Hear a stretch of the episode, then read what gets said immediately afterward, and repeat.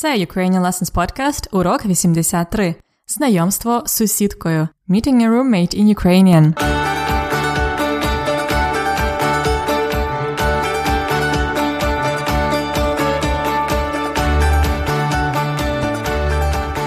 Добрий день! Вітаю вас на подкасті Уроки української. Мене звати Анна, і я вчителька української. Я створила цей подкаст, щоб допомагати вам вивчати мою рідну мову. Сьогодні вже вересень, а це означає, що почалась моя улюблена пора року осінь. Якщо ви слухали попередні сезони, то ви, мабуть, знаєте цей факт про мене. Зараз у нас уже третій сезон. На попередніх двох уроках, 81 і 82, ви могли познайомитися з головною героїнею третього сезону Христиною. Вона американка українського походження, і вона переїжджає до Києва. Христина вже прилетіла в аеропорт Бориспіль і минулого разу поїхала в свою нову квартиру на таксі. Її досвід в таксі був такий собі, не дуже приємний. Хочете дізнатися, що буде далі? Тоді залишайтесь зі мною, поки я зроблю маленький вступ англійською мовою. So, short introduction in English before we jump in the Christina's adventure story. If you have uh, listened to the previous two episodes, you know Christina. She's an American girl and she's moving to Kyiv. Вона переїжджає до Києва. She has arrived in the airport and last time she took a taxi in Ukrainian. And her experience was so-so, not very pleasant. Її досвід був такий собі, не дуже приємний. In the today's episode, you will follow Christina to her new apartment and listen to another conversation in Ukrainian. Do you want to know what will happen next? Хочете дізнатись, що буде далі? Тоді почнімо.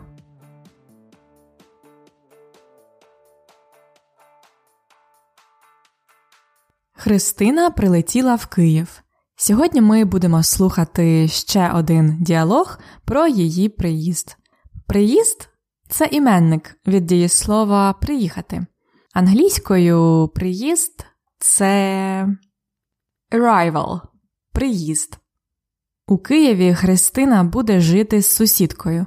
Сусід або сусідка означає neighbor або roommate, і також flatmate. Так, е, сусідка може бути синонім співмешканка. Слухайте діалог і дайте відповідь на таке запитання. Що дівчата будуть робити на честь приїзду Христини? Що дівчата будуть робити? What are the girls going to do? На честь приїзду Христини. На честь to celebrate in honor of приїзду Христини. To celebrate her arrival. Що дівчата будуть робити на честь приїзду Христини? Слухайте цю розмову. Хто там? Це Крістін, Христина. Заходь, Христино. Піднімайся на шостий поверх. Привіт! Привіт! Як ти здогадалась, я Христина. А я Леся. Дуже приємно познайомитись. Взаємно. Ти заходь, заходь. Будемо пити чай снідати? Чудово! Але можна спочатку води? Звісно, тримай. Дякую. Ну як ти долетіла? Долетіла нормально. Я познайомилась з дуже цікавим хлопцем. Його звати Мирослав. Він письменник і поет. Мирослав? Лаюк? Думаю, так. Ось, він мені книжку подарував. Ого! Знаю, знаю його. Так? Він відомий? Угу. Відомий молодий поет. Нічого собі. Класно. А як ти доїхала на таксі? Так, таксист був жахливий. Їхав швидко, музика голосно. Ой, Ще й взяв з мене 35 доларів. скільки? 35. Це дуже багато. Нормальне таксі має бути доларів 12, ну 13. Але не хвилюйся, я покажу тобі, як замовляти таксі по телефону. Дуже дякую за підтримку. А тепер будемо пити чай. І на честь твого приїзду їсти торт. Це київський торт. Круто! Я багато чула про київський торт, але ніколи не куштувала. Ну, я його чесно не дуже люблю, але це ж символ Києва. Дякую тобі, Лесю. Ти мені підняла настрій. За приїзд? За приїзд.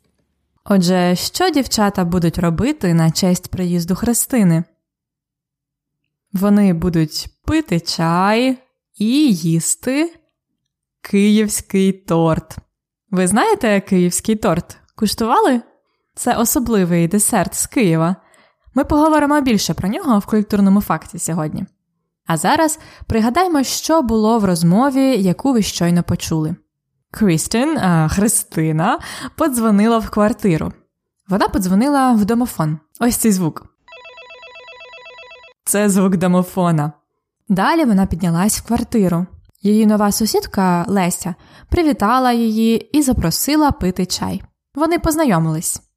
Христина розповіла Лесі ту історію з поганим таксистом, а також про поета, якого вона зустріла в літаку. Виявляється, it turns out, Леся знає цього поета і письменника. Нічого собі, incredible, no way, нічого собі. Далі Леся сказала, що в честь приїзду Христини вони будуть пити чай і їсти київський торт.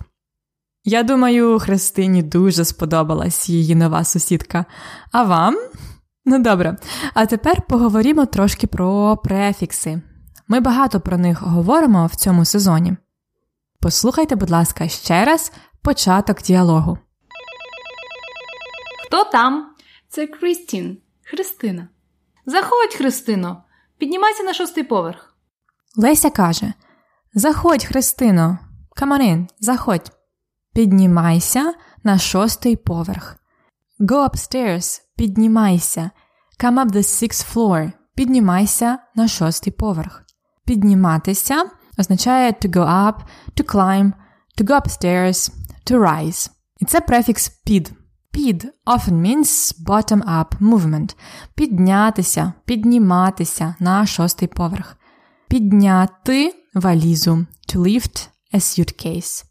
But also as movement, pід can mean movement under something, like підкреслити слова, underline, під, because під actually means under. So we can use it to mm, with the verbs that go under something. Підкреслити нові слова, підкреслити.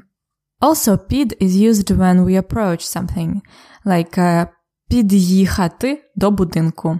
To drive up to the house. Під'їхати. А підійти до магазину. We use it with і, піді. Підійти до магазину. To come near the store. Another meaning is adding a little more of something, like підсолити суп. Uh, solite is to put salt. Підсолити is to put some more salt in the soup. You see, our prefixes have many meanings in them. They're small but meaningful. and the verb with pід also can mean a secret action. Підслухати розмову. To overhear a talk. Підслухати розмову. Or підробити документ. Робити is to do. To make. Підробити is to falsify. Підробити документ. A secret action. At last, it could be also about a partial uh, or not complete action. Like підробляти в інтернеті. Again, we have the verb роб, робити, uh, which could mean to, to work. And uh, підробляти means just to make some extra money. Just to work a little bit as a part-time job. Підробляти в інтернеті. To make some extra money on the internet. Підробляти в інтернеті. Listen now to the end of the dialogue and try to catch the verb with під. Дякую тобі, Лесю. Ти мені підняла настрій. За приїзд? За приїзд. Дякую тобі, Лесю. Ти мені підняла настрій. Леся Христині підняла настрій. What is настрій? Настрій це mood. Настрій. Є гарний настрій, good mood, поганий настрій, bad mood. Так от, Леся lifted Христина's mood. Підняла Христині настрій. What is that? That's an idiom. We will talk more about it in the idiom of the day section today. А зараз слухайте ще одну частину діалогу. Яке дієслово ви почуєте два рази? Слухайте. Ну, як ти долетіла? Долетіла нормально. Я познайомилася з дуже цікавим хлопцем. Його звати Мирослав. То яке дієслово ви почули два рази? Дієслово долетіти. Як ти долетіла? How did you end up flying? How was your flight? Долетіти. Долетіла нормально. I flew fine. My flight was fine. Долетіти має префікс до. Летіти плюс до. And here do means movement or action to the final destination or ultimate result. See, even the word do as a preposition means to, up to. Some other examples are доварити борщ, to finish cooking борщ, добігти до фінішу, to get to the finish line. Listen to another part of the dialogue to get one more verb with do. А як ти доїхала на таксі? Так, таксист був жахливий. Як ти доїхала? How did you get here? How was your journey? We don't say, як була твоя поїздка. Ні-ні-ні. We say, як ти доїхала? Як ти доїхав? Як ви доїхали? And it means how was your journey? How was your ride? Добре? And now let's look at some other meanings of do. For example, it could mean achieving the result in spite of difficulties. Не могти додзвонитися. Let's make a complex example like Я довго намагалась до тебе додзвонитися. I was trying hard to reach you by phone. Додзвонитися. Тобто to achieve this uh, result with some difficulties because I couldn't actually reach you by phone. Я довго намагалася до тебе додзвонитися. І нарешті додзвонилася. And finally I could reach you by phone. Додзвонитися. There is another negative use of do. It's a negative result ending with ся. For example, догратися. Грати is to play. Догратися is to play until something bad happens. For example, the typical situation is when a child is playing with some toys and he's very happy and he's playing and he's playing and then he breaks something. And then you, the mother would say, Ну ти догрався. That's the result of your playing so much. At last, do is used when we add something or to something. As uh, in the verb dodavate is basic verb about that. It's to add. Dodavate. Dodati medu в чай. To add honey in the tea. Remember the verb підсолити we used. It was to add some more salt in your soup. А досолити would uh, simply mean to add salt in the soup. So it's not uh, to add a little bit more like підсолити, but досолити, it's to add salt so that uh, it's tasty. Досолити soup. I think those two, досолити, підсолити, could be almost synonymous. Ну, як вам ці префікси? Я сподіваюсь, це корисна інформація для вас. You definitely don't have to memorize all these uses of all the prefixes to speak Ukrainian. We just learn this to expand your vocabulary by noticing some special beginnings of the words. А зараз розслабтеся і просто послухайте діалог ще раз. Хто там? Це Крістін, Христина. Заходь, Христино. Піднімайся на шостий поверх. Привіт! Привіт! Як ти здогадалась, я Христина. А я Леся. Дуже приємно познайомитись. Взаємно. Ти заходь, заходь. Будемо пити чай і снідати? Чудово! Але можна спочатку води. Звісно, тримай. Дякую. Ну як ти долетіла? Долетіла нормально. Я познайомилася з дуже цікавим хлопцем. Його звати Мирослав. Він письменник і поет. Мирослав? Лаюк? Думаю, так. Ось, він мені книжку подарував. Ого! Знаю, знаю його. Так? Він відомий? Угу. Відомий молодий поет. Нічого собі. Класно. А як ти доїхала на таксі? Так, Таксист був жахливий, їхав швидко, музика голосно. Ой, Ще й взяв з мене 35 доларів. скільки? 35. Це дуже багато. Нормальне таксі має бути доларів 12, ну 13.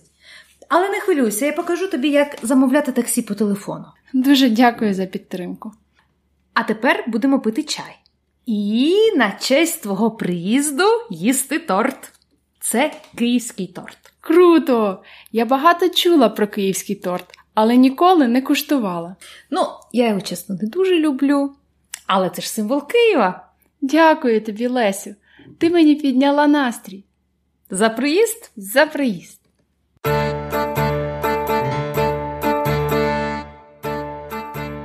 Дієслово дня. Дієслово дня сьогодні було на початку розмови. Леся сказала: Піднімайся на шостий поверх. Підніматися. As I said, it means to go up, to climb, as um, to go up the building, to climb the mountain, підніматися, to go upstairs, to rise, підніматися з ліжка, for example. Compare it with uh, піднімати. Це дієслово закінчується на ся. Тому нам буде корисно повторити, як змінюються дієслова на ся. Let's review the conjugation of the verbs ending with ся. Basically, ся always stays. So, підніматися, я піднімаюся. Ти піднімаєшся. Він піднімається. Чи ся піднімається. Ми піднімаємося. Ви піднімаєтеся. Вони піднімаються. Підніматися is an imperfective verb. Я зараз піднімаюся до тебе. What is perfective form? Піднятися. Піднятися, as in я вже піднялася до тебе. Де ти? Підніматися is a great verb to fill the difference between the verbs with and without ся. Підніматися comes from the verb піднімати, which means to lift something. So піднімати валізу, to lift the suitcase, to get something up. А підніматися has ся. So basically it's like lifting yourself, putting yourself up. You are climbing or going upstairs. Підніматися можна сходами. Або підніматися можна нагору. Ось так. As always, you can practice using the verb of the day in the lesson notes of the today's episode.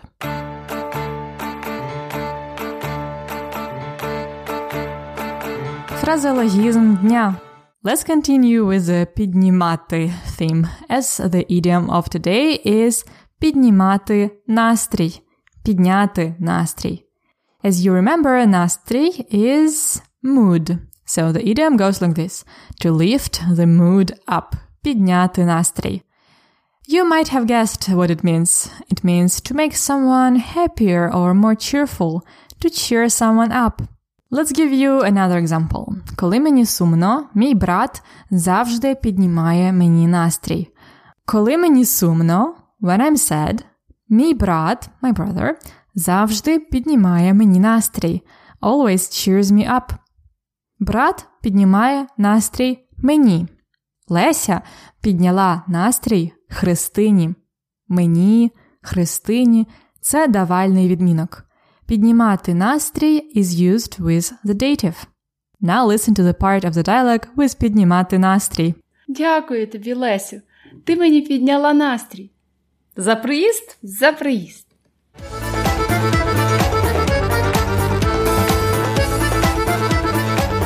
Культурний факт на подкасті. Що таке київський торт і з чим його їдять? Які ще є традиційні українські десерти? Ukrainian desserts are my favorite part of our cuisine, as I have a sweet tooth. Kyivsky tort is a cake created in the biggest confectionery fab factory in Kiev back in 1956. It's very sweet, Дуже солодкий. So I recommend to try it with some black tea or coffee with no sugar. Its specialty is a crispy texture thanks to the light layer of uh, meringue and many many nuts.